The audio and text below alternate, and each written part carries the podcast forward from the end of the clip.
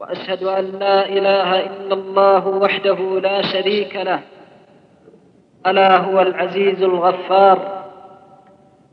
وأشهد أن سيدنا ونبينا محمدا عبده ورسوله المصطفى المختار صلى الله عليه وعلى آله وأصحابه الأخيار. السلام عليكم ورحمة الله وبركاته. أما بعد إخواني في الله ليس هناك نعمة من الله عز وجل أجل من تلك النعمة التي انشرحت معها الصدور وأنقذ الله تبارك وتعالى بها عبده من مزالق الهوى والردى والشرور غذاء القلوب وراحة الأفئدة. بإقبالها على الله تبارك وتعالى وهي الساعة التي انشرحت بها الصدور وهي الساعة التي اطمأنت فيها القلوب. هذه النعمة التي امتن الله تبارك وتعالى بها على العبد فاختاره لها من بين العباد. هذه النعمة التي أقامه بها على مناهج الصواب والسداد. إنها نعمة القرب من الله. إنها نعمة حلاوة الإيمان والعبودية للرحمن. أصيب ذلك القلب فأصبح متعلقا بالله تبارك وتعالى منيبا إلى الله سبحانه وتعالى. ولكن في هذا القلب أشجان وأحزان وفي هذا القلب خوف وقلق لا يمكن أن يطمئن معه ولا يمكن أن يرتاح معه. إن هذا القلق يتمثل في خوف من سوء الخاتمة والعياذ بالله. المؤمن يهتدي إلى طاعة الله ومحبة الله. ويعلم الله عز وجل مقدار حبه لربه. المؤمن يهتدي إلى رضوان الله وسبيل الإنابة إلى الله ويعلم الله عز وجل مقدار شوقه. المؤمن وجد حلاوة الإيمان ولذة, ولذة العبودية للرحمن. ويعلم الله عز وجل مقدار ما وجد من لذته ولكنه يخاف من ساعة مدمرة يخاف من لحظة مدمرة تتدمر معها الحياة ويشقى معها شقاء لا سعادة بعده والعياذ بالله. يخاف من الله تبارك وتعالى أن تزل قدمه بعد ثبوتها. أو يعمى بصره بعد بصيرتها يخاف من الله تبارك وتعالى أن تنطمس البصيرة والعياذ بالله أو تزل القدم عن طاعة الله ومرضاة الله. والله ما في القلوب حزن أعظم من هذا الحزن وليس في الفؤاد شجاع ولا خوف ولا أسى. أعظم من هذا الشجاع. ذلك لأنه يعلم أنه إذا أصيب والعياذ بالله بهذه الكارثة فقد أنفذت مقاتله وأنه قد نزل إلى السحيق وهوى في واد لا غاية بعده في العذاب والنكال والعياذ بالله. لذلك فإن أخوف ما يخافه. هذه النهاية الأليمة وهذه العاقبة الوخيمة التي أقضت مضاجع الأخيار فطالما رفعوا الأكف إلى الله تبارك وتعالى بدعوات الأسحار ألا يزيغ قلوبهم وألا يصرف أفئدتهم فقال سبحانه وتعالى عن المنيبين وقال عن عباده المحبين الذين وجدوا لذة الهداية إلى رب العالمين فتعلقوا بها صدق التعلق وأحبوها صدق المحبة. قال عنهم سبحانه وتعالى في دعائهم وابتهالهم ربنا لا تزغ قلوبنا بعد إذ هديتنا وهب لنا من لدنك رحمة إنك أنت الوهاب.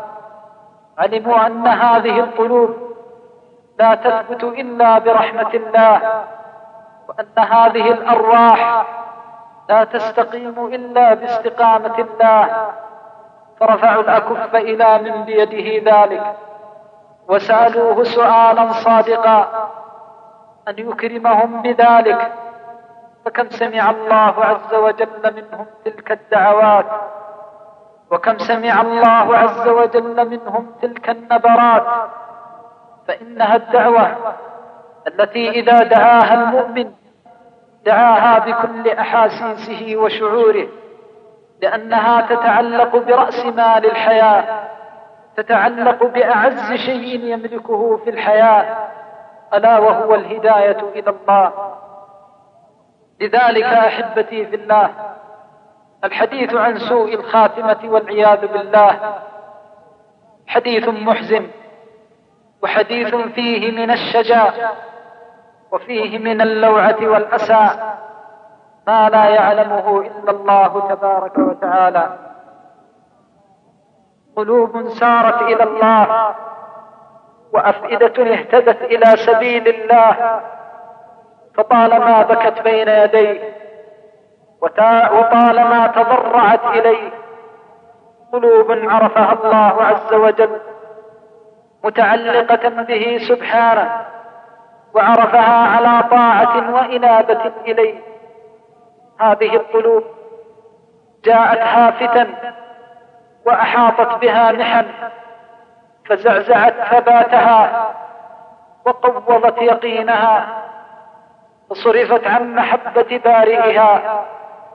ضعف الإيمان الذي كان في تلك القلوب وضعف اليقين الذي في تلك الأفئدة فجاءت تلك الساعة والعياذ بالله التي هي أمر ساعة على أصحابها إذ اجتالت الشياطين تلك القلوب وصرفتها عن طاعة ربها واستلمتها إلى سبيل العذاب.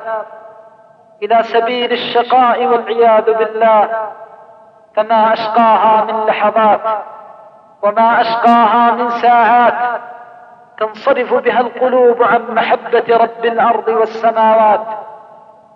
وقلوب كانت في بعد عن الله بعيدة عن محبة الله غافلة عن طاعة الله. ولكن شاء الله عز وجل رحمتها. وشاء الله عز وجل هدايتها ومن يشاء الله أن يهديه. فمن هذا الذي يضله؟ ومن يشاء الله أن يضلله. فمن هذا الذي يهديه؟ فجاءت تلك الساعة التي هي ساعة سعادتها وساعة فلاحها وعزها فأصابها الله برحمته. وأصابها الله عز وجل بالإنابة إلى طاعته. وبين هذين القلبين سيتقلب الإنسان فريق في الجنة وفريق في السعير. في السعير سبيل هداية لا ضلال بعدها أو سبيل ضلالة لا هداية بعدها. هذان الطريقان هذان النجدان لا بد من سلوك أحدهما ولا بد أن تختم الخاتمة بواحد منهما. إنا من الدنيا على طريق إما إلى الغساق أو إلى الرحيق. لذلك إخواني طالما يسأل المؤمن الصادق في إيمانه عن الأسباب التي ينجيه الله عز وجل بها عن خاتمة السوء والعياذ بالله وطالما يسأل المؤمن الصادق في إيمانه عن الأسباب التي توجب له خاتمة السوء والعياذ بالله وبناء على ذلك فسأجمل الكلام عن هذه الأسباب في أمور أهمها ما يلي. إن الاستقامة وحسن الخاتمة في الحياة قرنه الله عز وجل بشيئين. قرنه الله عز وجل بوصفين. إن تحققا ثبتت قدم قدم ولي الله على طاعة الله. ثبتت قدم المؤمن على محبة الله وضمن بإذن الله الفوز بالخاتمة الحسنة. وهذان الأمران أشار الله عز وجل إليهما في كتابه. فقال سبحانه وتعالى الذين قالوا ربنا الله ثم استقاموا تتنزل عليهم الملائكة. ألا تخافوا ولا تحزنوا وأبشروا بالجنة التي كنتم توعدون. الأمر الأول إيمان بالله والأمر الثاني استقامة على طاعة الله. ما ظفر العبد بهما إلا كتبت له إلا كتبت له الخاتمة الحسنة. ولا وفقه الله عز وجل لهما إلا كانت له النهاية السعيدة. كيف يضل عبد آمن بالله تبارك وتعالى واستقام على منهج الله استقام في عقيدته واستقام في ظاهره واستقام في قوله وعمله. استقام مع الله واستقام مع عباد الله فهذا أبعد العباد عن سوء الخاتمة. ولذلك بين الحافظ ابن كثير رحمه الله في معرض كلامه عن سوء الخاتمة أنها لا تعرف لإنسان يؤمن بالله ويستقيم على طاعة الله. إذا وفق الله عز وجل العبد فآمن بالله عز وجل يقينا واستقام على طاعة الله تبارك وتعالى فإنه بلا شك سيفضي به ذلك الإيمان وتفضي به تلك الاستقامة إلى حسن الخاتمة. أما الإيمان فلأنه يورث القلوب حبا لله. أما الإيمان فلأنه يورث القلوب تعلقا بالله. أما الإيمان فلأنه يورث القلوب شدة الوله والتعلق بالله سبحانه وتعالى. الإيمان الذي إذا نزل إلى القلب إلى القلب وتغلغل فيه تعلق صاحبه تعلق بربه كمال التعلق وتعلق بإلهه كمال المحبة بكمال المحبة والإنابة. لذلك فإن أول دليل على حسن خاتمة العبد وأول أمارة تدل على أنه سيكون من السعداء الموفقين لحسن الخاتمة أن يوفقه الله للإيمان الكامل أن يوفقه الله عز وجل لعقيدة ترضيه إن كان في السراء كان مع الله وإن كان في الضراء كان مع الله وإن كان في الشدة كان مع الله وإن كان في الرخاء كان مع الله. وقد أشار الله تبارك وتعالى في كتابه أن فقد هذا الإيمان يسبب للعبد الحرمان من حسن, من حسن الخاتمة. فقال سبحانه وتعالى ومن الناس من يعبد الله على حرف فإن أصابه خير اطمأن به وإن أصابته فتنة انقلب على وجهه. خسر الدنيا والآخرة. ذلك هو الخسران. إيمان هش. إيمان ضعيف. يؤمن صاحبه. إما لشهوة يقضيها أو متعة يرجوها. فإذا زالت تلك الشهوة أو زالت تلك اللذة والمتعة فارق الإيمان قلبه والعياذ بالله. وإذا نزلت به الفتنة قلبت قلبه وصرفته كيف شاءت والعياذ بالله. فضعف الإيمان هو المدخل الأول لسوء الخاتمة والعياذ بالله. ولذلك بين العلماء رحمهم الله أن من أسباب سوء الخاتمة التي تتصل بضعف الإيمان الاستهزاء بالدين والعياذ بالله والاستخفاف برب العالمين فإن الإنسان إذا لم تكن لله عز وجل في قلبه هيبة ولم يكن له في قلبه حرمة ولم يكن له في قلبه إعظام وإجلال فإنه على خطر من سوء الخاتمة والعياذ بالله. فالمستهزئ بالله قل أن يسلم من سوء الخاتمة. ومن يسب الله أو يلعن الله والعياذ بالله قل أن يوفق لحسن الخاتمة والعياذ بالله. وقد أشار الله تعالى إلى ذلك بقوله قل أب الله وآياته ورسوله كنتم تستهزئون. لا تعتذروا قد كفرتم بعد إيمانكم. إن نعفو عن طائفة منكم نعذب طائفة. فأخبر الله تبارك وتعالى عن بعد توبة الله عز وجل عن أمثال هؤلاء. وإذا كانت التوبة بعيدة ممن سب ربه أو استهزأ بالدين والعياذ بالله فإن الغالب في صاحب ذلك فإن الغالب فيه والعياذ بالله أن ينتكس والغالب فيه والعياذ بالله أن لا يوفق لطاعة الله. ذكر بعض العلماء قصة واقعية قريبة. عن رجل كان في سفر. كان مع أناس وكانوا على مقربة من المدينة. فقال رجل من الركاب وصلنا إلى المدينة. فقال له ذلك الموفق الصالح قل إن شاء الله يذكره بما ينبغي أن يكون عليه المؤمن بالله. من تذكير أخي أخيه بالمشيئة بمشيئة الله. فما كان من ذلك الشقي والعياذ بالله إلا أن تفوه بتلك الكلمة العظيمة. فقال نسأل الله السلامة والعافية وإن لم يشاء. ويشاء الله عز وجل بعد لحظات يسيرة أن ينقلب ذلك الركب وأن تكون تلك العنق هي أول عنق تدق والعياذ بالله. فمن استهزأ بالله أو استخف بعظمة الله فإن الله يمقته ومن مقته الله عز وجل مكر الله به.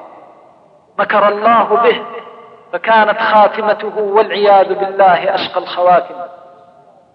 وفي حكم الاستهزاء بالله الاستهزاء بالرسول صلى الله عليه وسلم والاستهزاء بسنة النبي صلى الله عليه وسلم فإن المستهزئ بها يخاف عليه سوء الخاتمة. وإذا سمعت أذناك إنسانا لا قدر الله يستهزئ بسنة رسول الله صلى الله عليه وسلم أو أبصرت عيناك لا قدر الله من يقول ذلك أو يفعله. فاعلم أنك قد رأيت إنسانا قد وضع أول خطوة لسوء الخاتمة والعياذ بالله. كان هناك رجل من الكتاب المشهورين المعروفين الذين جرحوا السنة نسأل الله السلامة والعافية. وسخر قلمه للاستهزاء بأصحاب رسول الله صلى الله عليه وسلم. والسخرية من سنة رسول الله صلى الله عليه وسلم وتطبيق العقل عليها وهو المعروف بأبي ريا.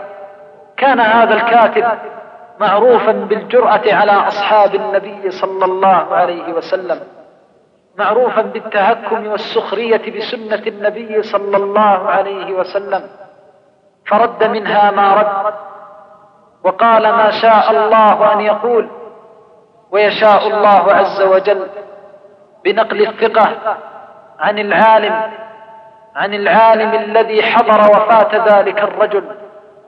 يقول أتيت إلى بلده فتذكرته فأحببت أن أزوره لكي أرى بعض الشيء عنه. ويشاء الله عز وجل أن توافق زيارتي سكرات الموت. يقول فدخلت على رجل والعياذ بالله. وكان هذا الرجل يستهزئ بأبي هريرة. ورد أحاديث أبي هريرة رضي الله عنه وأرضاه. وانتقصه وعابه وثلبه. فشاء الله عز وجل أن يراه في سكرات الموت. يقول وقد تغير لونه والعياذ بالله وكلح.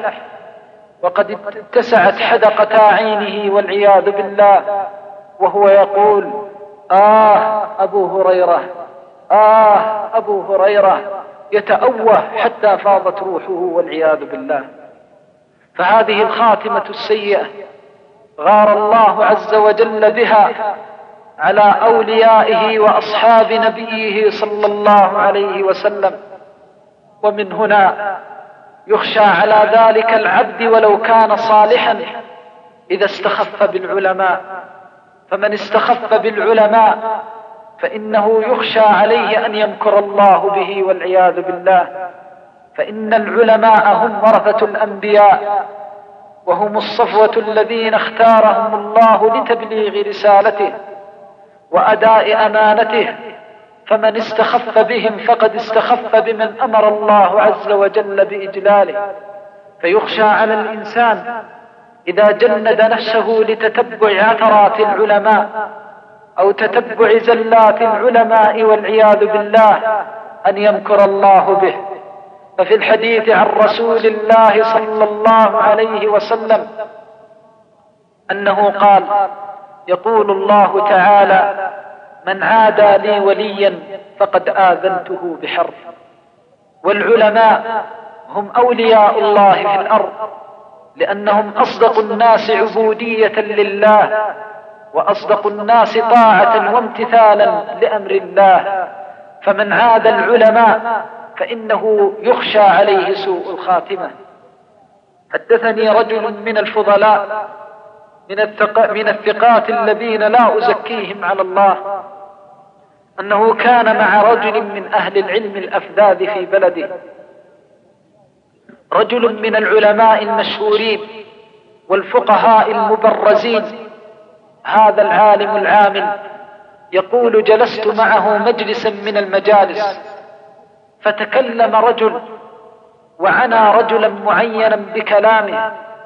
فثلبه وانتقصه والعياذ بالله. فقال ذلك العالم الصالح. قال لهذا الرجل بمحضر من صاحب القصة التي يرويها يقول قال له والله إني أعلم من تعنيه وإنك إذ ثلبته وانتقصته وكان الرجل الذي يتكلم فيه من العلماء ولكن تكلم فيه بالإشارة واللمس فقال له إني أعلم من تكلمت فيه وإنني, وإني أحسبه من عباد الله الأخيار. وإني أحسبه من العلماء الأخيار. وإني والله لا آمن عليك سوء الخاتمة. يقول هذا الرجل الذي يحدثني القصة قال لي والله قد ساءت خاتمته بمنظر من عينه وما توفي والعياذ بالله إلا وهو في عز شبابه. نسأل الله السلامة والعافية. قبل أن يتمتع بذلك الشباب أخذه الله تبارك وتعالى أخذه ساخطا عليه ساخطا عليه إذ عاد أولياءه. ومن هنا ينبغي للمؤمن الموفق أن يحذر سوء الخاتمة حينما يتقي لحوم العلماء حينما يتقي أعراض العلماء. وإذا بلي والعياذ بالله بذلك فليبادر بالتوبة النصوح وليبادر بسؤال العالم أن يغفر زلته وأن يعفو غيبته. فإن الإنسان إذا جند نفسه لأذية عباد الله آذاه الله عز وجل آذاه في نفسه وآذاه في عرضه وآذاه في صلاحه والعياذ بالله. ومن ثم قال النبي صلى الله عليه وسلم من ستر مسلما ستره الله ومن تتبع عورة أخيه المسلم تتبع الله عورته. فكيف بمن تتبع عورة العلماء؟ فينبغي للإنسان أن يتقي الله عز وجل في لحوم العلماء. عل الله أن يصونه من سوء الخاتمة وعل الله عز وجل أن يحفظه من هذه النهاية البئيسة والعياذ بالله. إخواني في الله إن سوء الخاتمة قد يأتي تدريجا للإنسان وقد يأتي فجأة والعياذ بالله على العبد. أما التدرج فقد أشار الله تبارك وتعالى إليه بقوله وأما من بخل واستغنى وكذب بالحسنى فسنيسره للعسرى. قال بعض العلماء يوفق للمعصية تلو المعصية حتى يختم الله على قلبه فيكون من الهالكين. وكذلك أيضا يأتي سوء الخاتمة والعياذ بالله على العبد فجأة فتكون له ميتة السوء والعياذ بالله.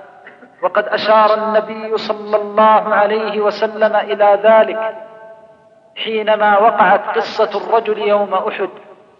فقاتل حتى أثخن بالجراح فأصبح الصحابة رضوان الله عليهم يتحدثون بفضل ذلك المجاهد حتى إنهم قالوا ما أبلى اليوم مثل فلان.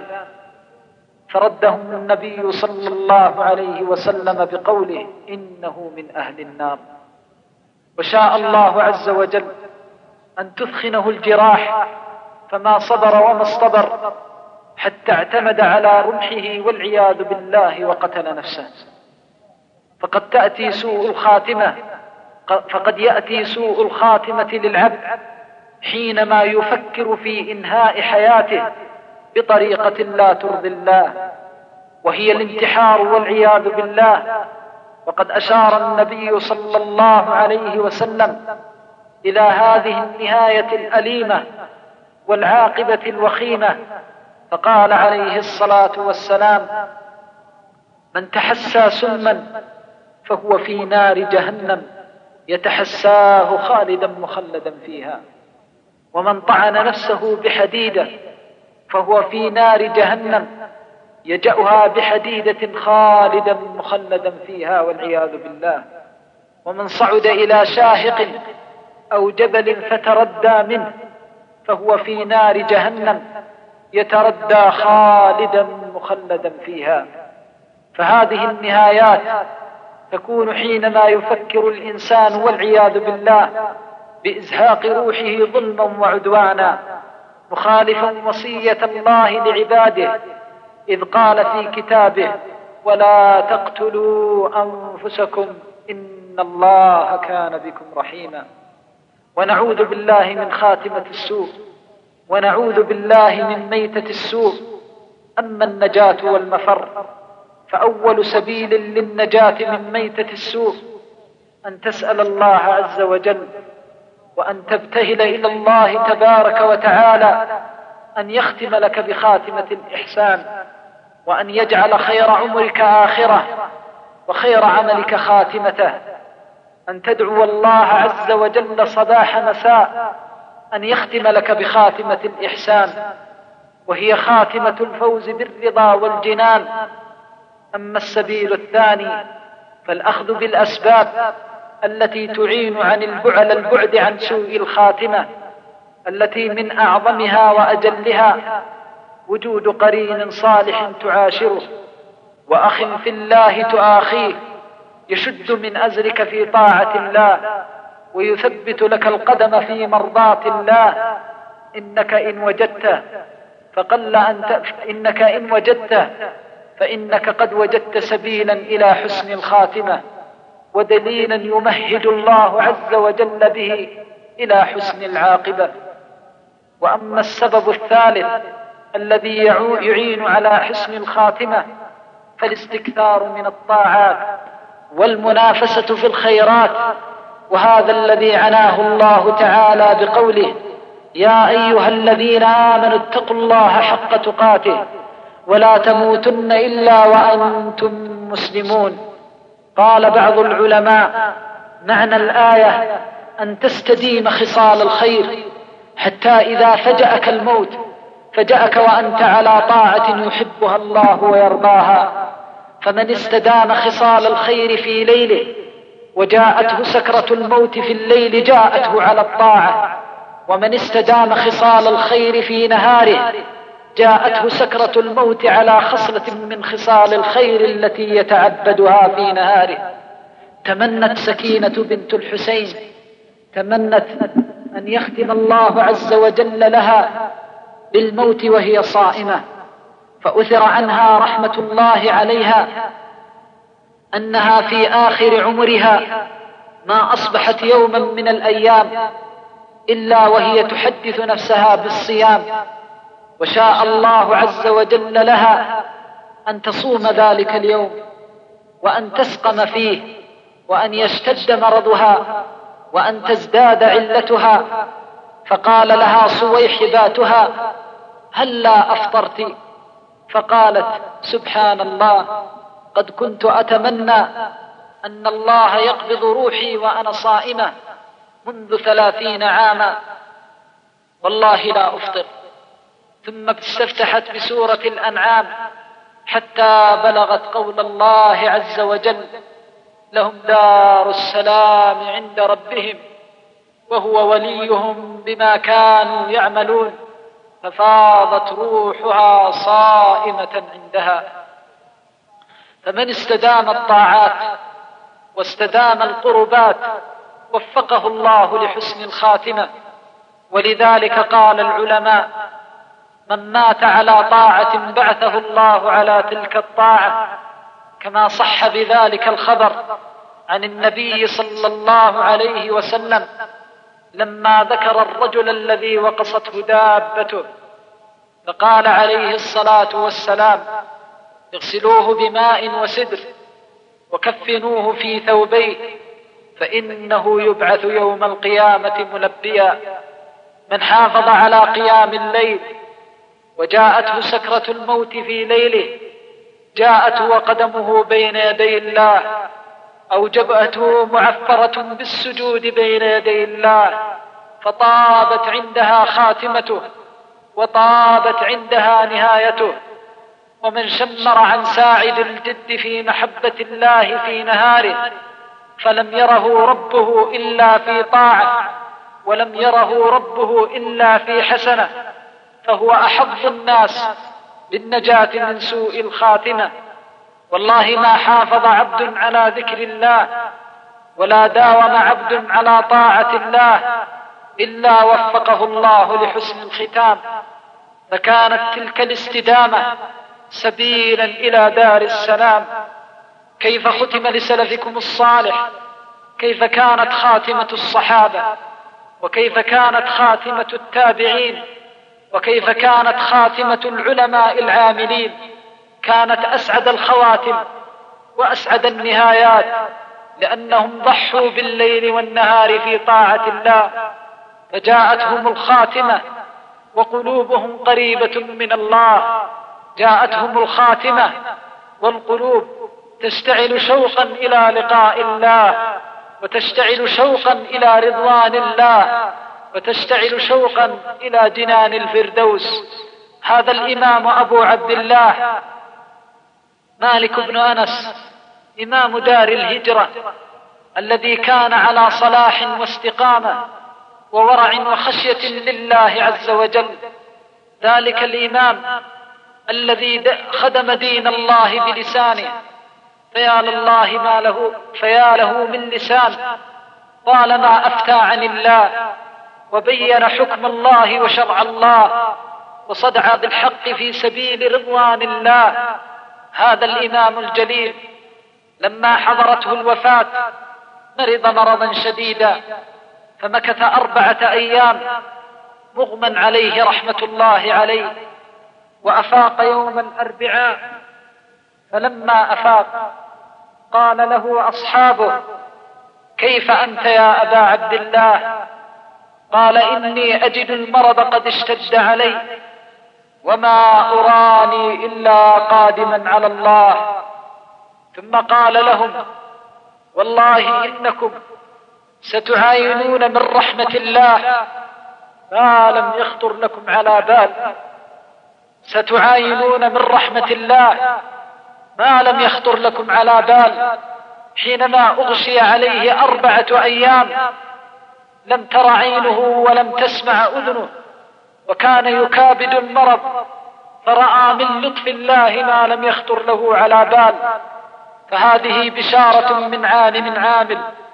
وشاهدنا من ذلك أن العبد الصالح إذا وفقه الله لصلاح القول والعمل فسخر ليله في محبة الله وسخر نهاره في رضوان الله فإنه موعود بإذن الله بحسن الخاتمة إن شاء الله. لا يخيب الله عز وجل عبدا.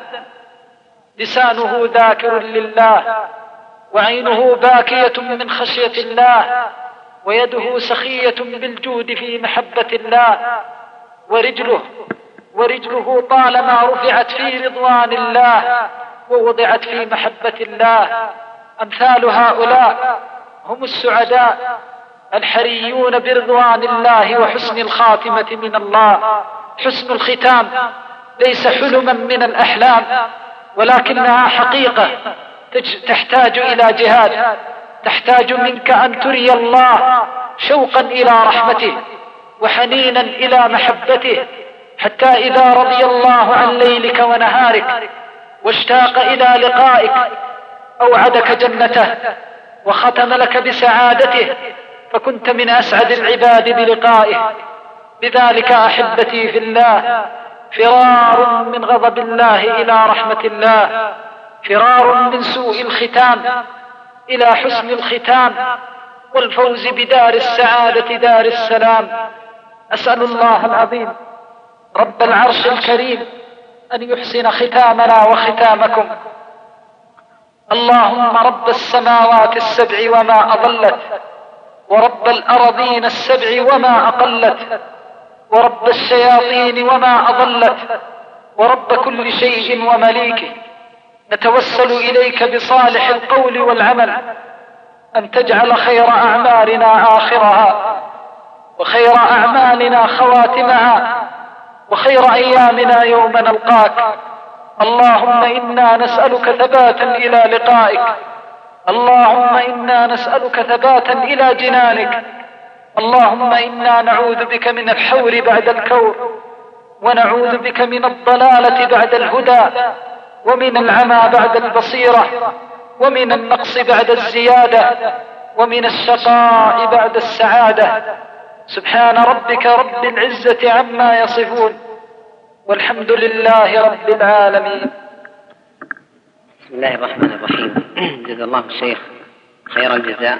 ونسأله عز وجل أن يجعل ما قاله في ميزان حسناته وأن ينفعنا بما سمعنا. أيها الأخوة الكرام جاءتنا أسئلة كثيرة.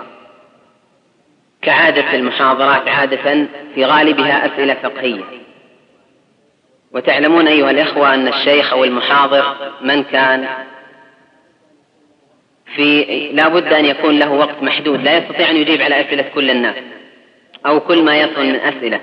ولذلك نحن عادة أو كل من يعد محاضرة عادة أو يقدم شيخا يحاضر يقتصر على الأسئلة الخاصة بالموضوع وهذا الذي فعلناه فنستسمح من الإخوة الباقين. لكن لا ننسى أيضا أن أرقام هيئة كبار العلماء والشيخ وغيره لهم أوقات يجيبون فيها على الأسئلة الفقهية فنعتذر مرة أخرى.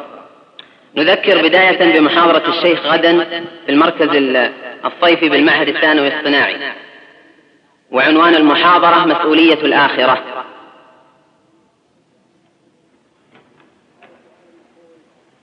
هذا سؤال يقول فضيلة الشيخ السلام عليكم ورحمة الله وبركاته وبعد. هل جلساء السوء سبب في سوء الخاتمة؟ وهل من نصيحة في ذلك؟ ونأمل ذكر بعض الكتب التي تخوف من, تخوف من سوء الخاتمة وتدل على الأخذ بأسباب تعين على حسن الختام وجزاك الله خيرا. بسم الله الحمد لله والصلاة والسلام على رسول الله. وعلى آله وصحبه ومن والاه. أما بعد نعم إن قرناء السوء ومخالطة قرناء السوء من أهم الأسباب التي تفضي إلى ميتة السوء والعياذ بالله. وهم الذين يمهدون السبيل إلى محارم الله ويذللون الطريق إلى سخط الله وغضب الله. ومن أراد حسن الخاتمة فليحاول في البعد عنهم وليجتهد في مجانبتهم فهم من أعظم الأسباب التي تورد الردى وتوجب للبصيرة العمى والعياذ بالله. وأما مسألة وأما بالنسبة للكتب التي تعتني ببيان سوء الخاتمة فكثرة أو قراءة التراجم الموجودة في كتب التاريخ كالبداية والنهاية ففيها أخبار عجيبة وقصص عجيبة عبرة للمعتبرين وعظة للمتعظين. فيها حسن الختام وفيها سوء الختام نسأل الله السلامة والعافية. فهذه من أهم المصادر التي تعتني ببيان أو بذكر أحوال من ساءت خاتمته والعياذ بالله. والله تعالى كثير من الأسئلة صدرها صدرها أهلها بقولهم يا شيخ إنا نحبك في الله. هذا يقول بعد أن قال اعلم أني أحبك في الله. يقول وكثير من الأسئلة وردت يا شيخ على هذا المنوال. يقول لقد هداني الله عز وجل قبل سنين وكنت أعمل في الدعوة ولكن كان يخالط أعمالي بعض الرياء والشهوات وكنت أحاول بكل ما أستطيع أن أجاهد نفسي. والآن أحس ببعد عن الله عز وجل وأحس بضعف في الإيمان وتراودني بعض الشبهات والشهوات وأخاف أن أعود إلى ما كنت عليه. دلنا جزاك الله خيرا. أولا أشهد الله عز وجل على حبكم جميعا في الله. أسأل الله عز وجل كما جمعنا في هذا المجمع أن يجمعنا في مستقر رحمته. أما ما سألت عنه أخي في الله من كونك كنت في بداية أمرك تدعو إلى الله وتقرب القلوب إلى الله ولكن شابت أعمالك الأكدار وتغير قلبك عن الواحد القهار. فرأيت في عملك ورأيت في قولك ورأيت في دعوتك. أولا أوصيك بالتوبة النصوح أوصيك أن تستغفر الله عز وجل وتتوب إليه. فإن الله يحب التوابين ويحب عبده المفتتن التواب. نعم رآك الشيطان مذكرا ورآك الشيطان واعظا مبصرا فغار على الحسنات التي تصيبها والأجور التي تفوز بها. فأحب أن يصرف قلبك عن هذه الغاية وأن يوردك هذه النهاية وعندها تخرج صفر اليدين من دعوتك. وصفر اليدين من كلمتك ولكن تعلق بالله واستغفر الله وتب إليه فإن التائب من الذنب كمن لا ذنب له. فاستغفر الله مما, مما مضى وقل قد ذهب ذلك وانقضى وافتح الصفحة الجديدة للتذكير بالله في الله ولله. فوالله أشرف المقامات وأعلاها منزلة عند رب الأرض والسماوات. ذلك المقام الذي يذكر القلوب بالله وذلك المقام الذي يبصر الأفئدة بدين الله. فعد إلى طاعة الله ومرضاة الله. وأما ما تجده من الوساوس والخطرات فمثلك إن شاء الله أبعد من ذلك. خسئ عدو الله مخذلك خسئ الشيطان. ونسأل الله عز وجل أن يمن عليك بالثبات بالإيمان. ونسأله أن يصرف عنك وساوس الشيطان. أخي في الله تناسى هذه الوساوس. وعد إلى الله عز وجل بتوبة نصوح فليس بينك وبين الله أحد وليس بينك وبين رحمة الله حاجز. وما هي إلا دمعة صادقة وكلمة صادقة وإنابة صادقة حتى تنال درجات السابقين. ويحشرك الله عز وجل في زمرة المتقين. والله تعالى أعلم. رسول الله صلى الله عليه وسلم أنه قال نقرأ السؤال كما هو يعمل أحدكم بعمل أهل الجنة حتى ما يكون بينه وبين وبين الجنة إلا شبر فيسبق عليه الكتاب فيكون من أهل النار الحديث أو كما قال صلى الله عليه وسلم. كيف يكون هذا وكيف نرد على من يقول إذا سبق علي الكتاب بسوء الختام فلا داعي للعمل؟ أولا هذا الحديث الذي ذكرته قطعة من حديث يرويه عبد الله بن مسعود رضي الله عنه في الصحيح.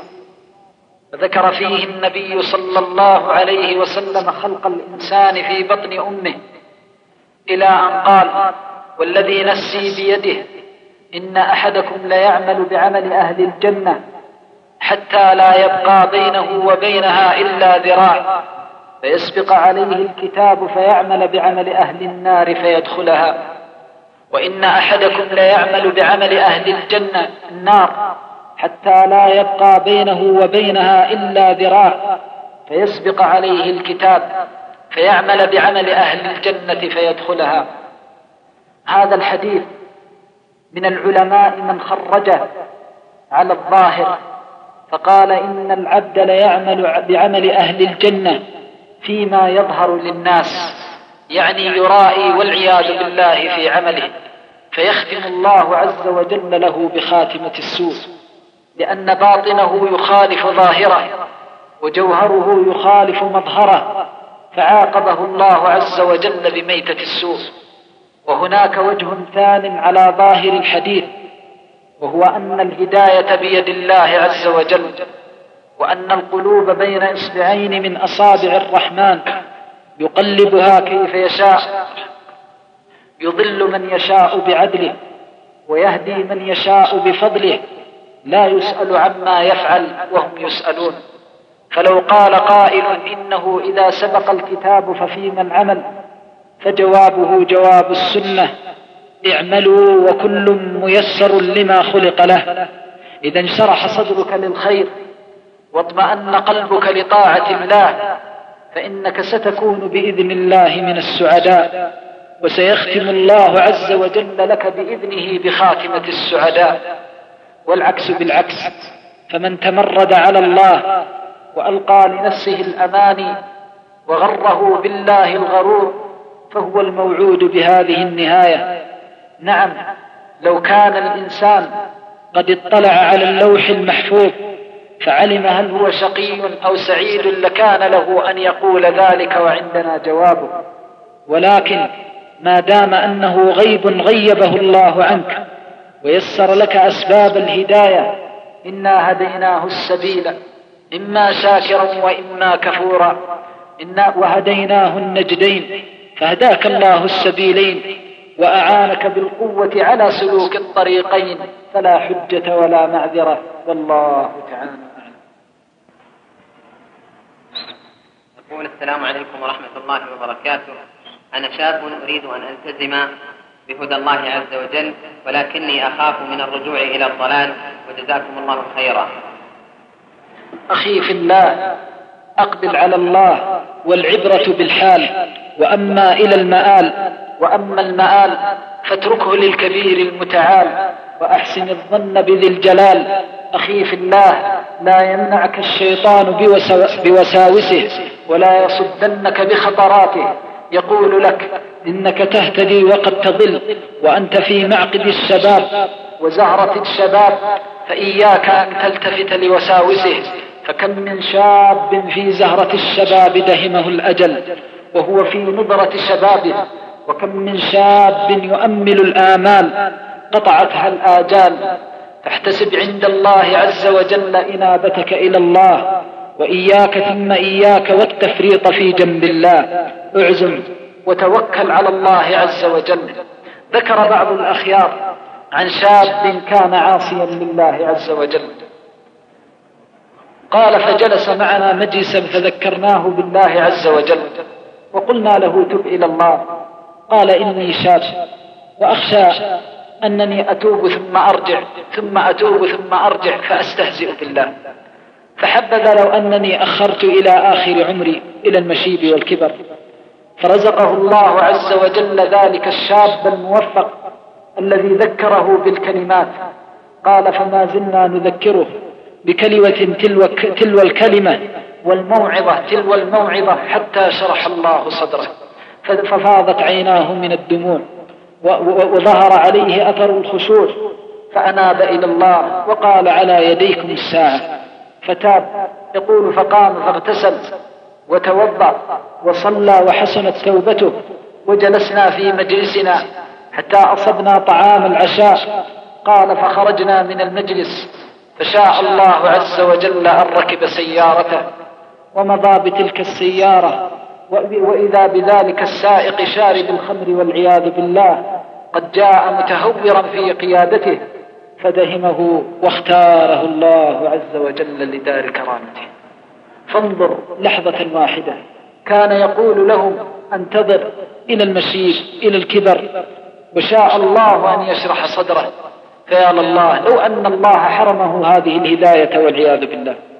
وخرج فكانت خاتمته. كيف سيكون حاله؟ فلذلك أخي في الله لا تضمن بقاء الأجل ولا تضمن بقاء العمر.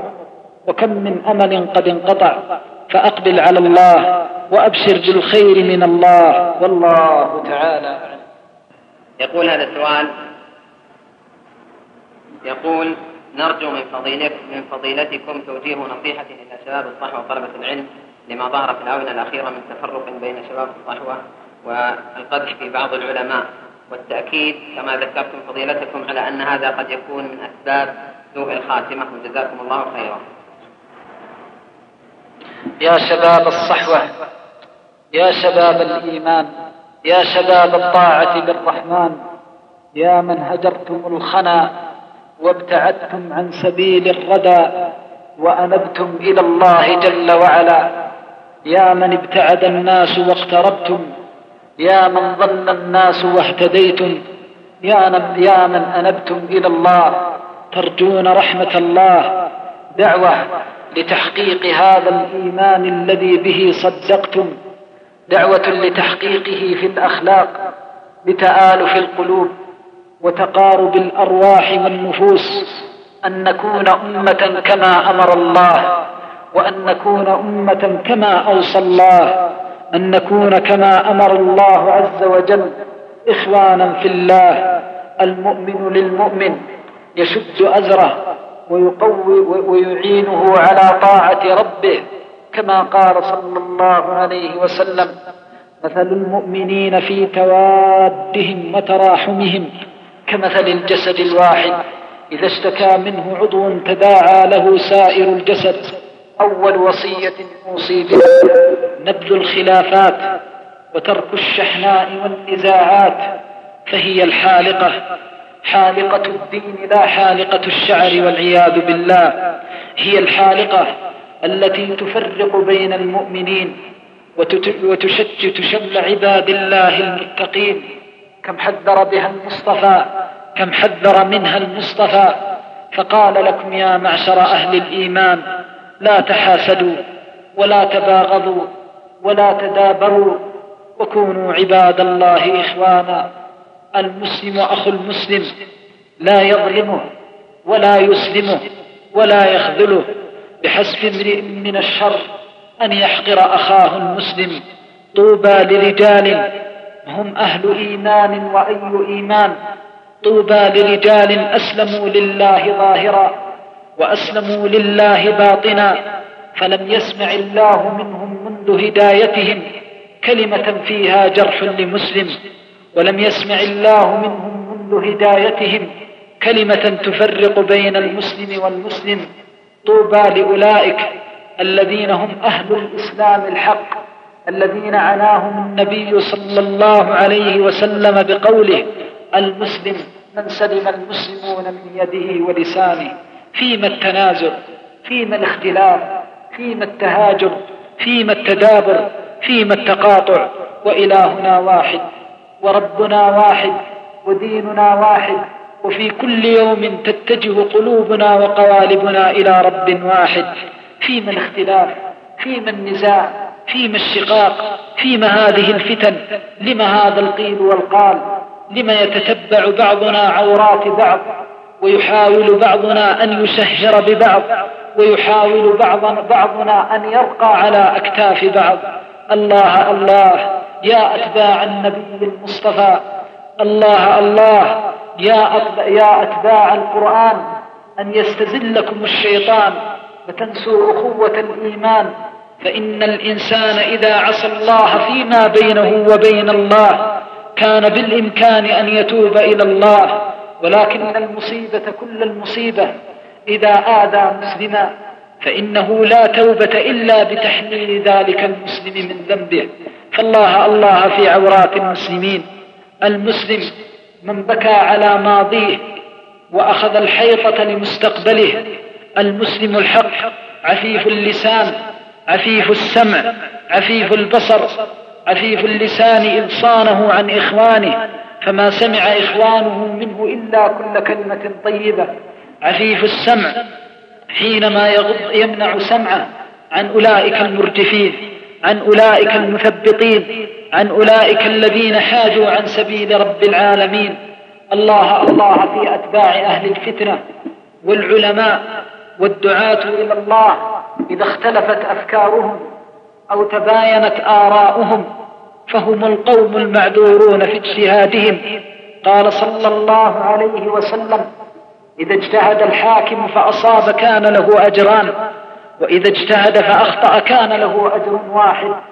فانظر رحمك الله قد عذره الله وأثابه الله. ألا تعذره بعذر الله؟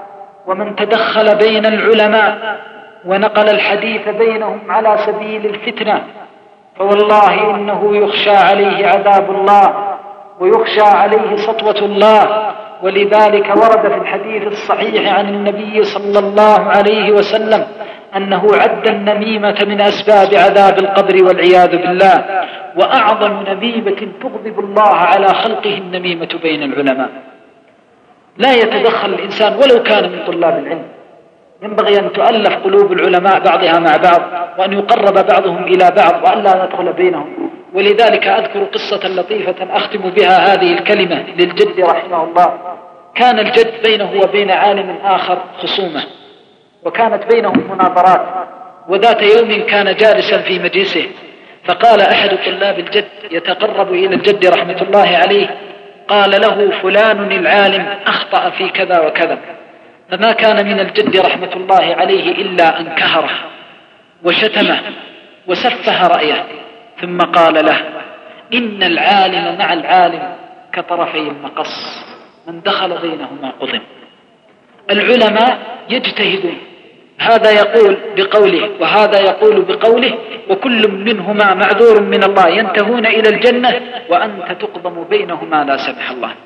أيها الإخوة نعتذر لورود هذه المحاضرة غير كاملة ورديئة التسجيل حيث قمنا بمعالجتها بالمحسنات الصوتية لدى تسجيلات الآثار الإسلامية.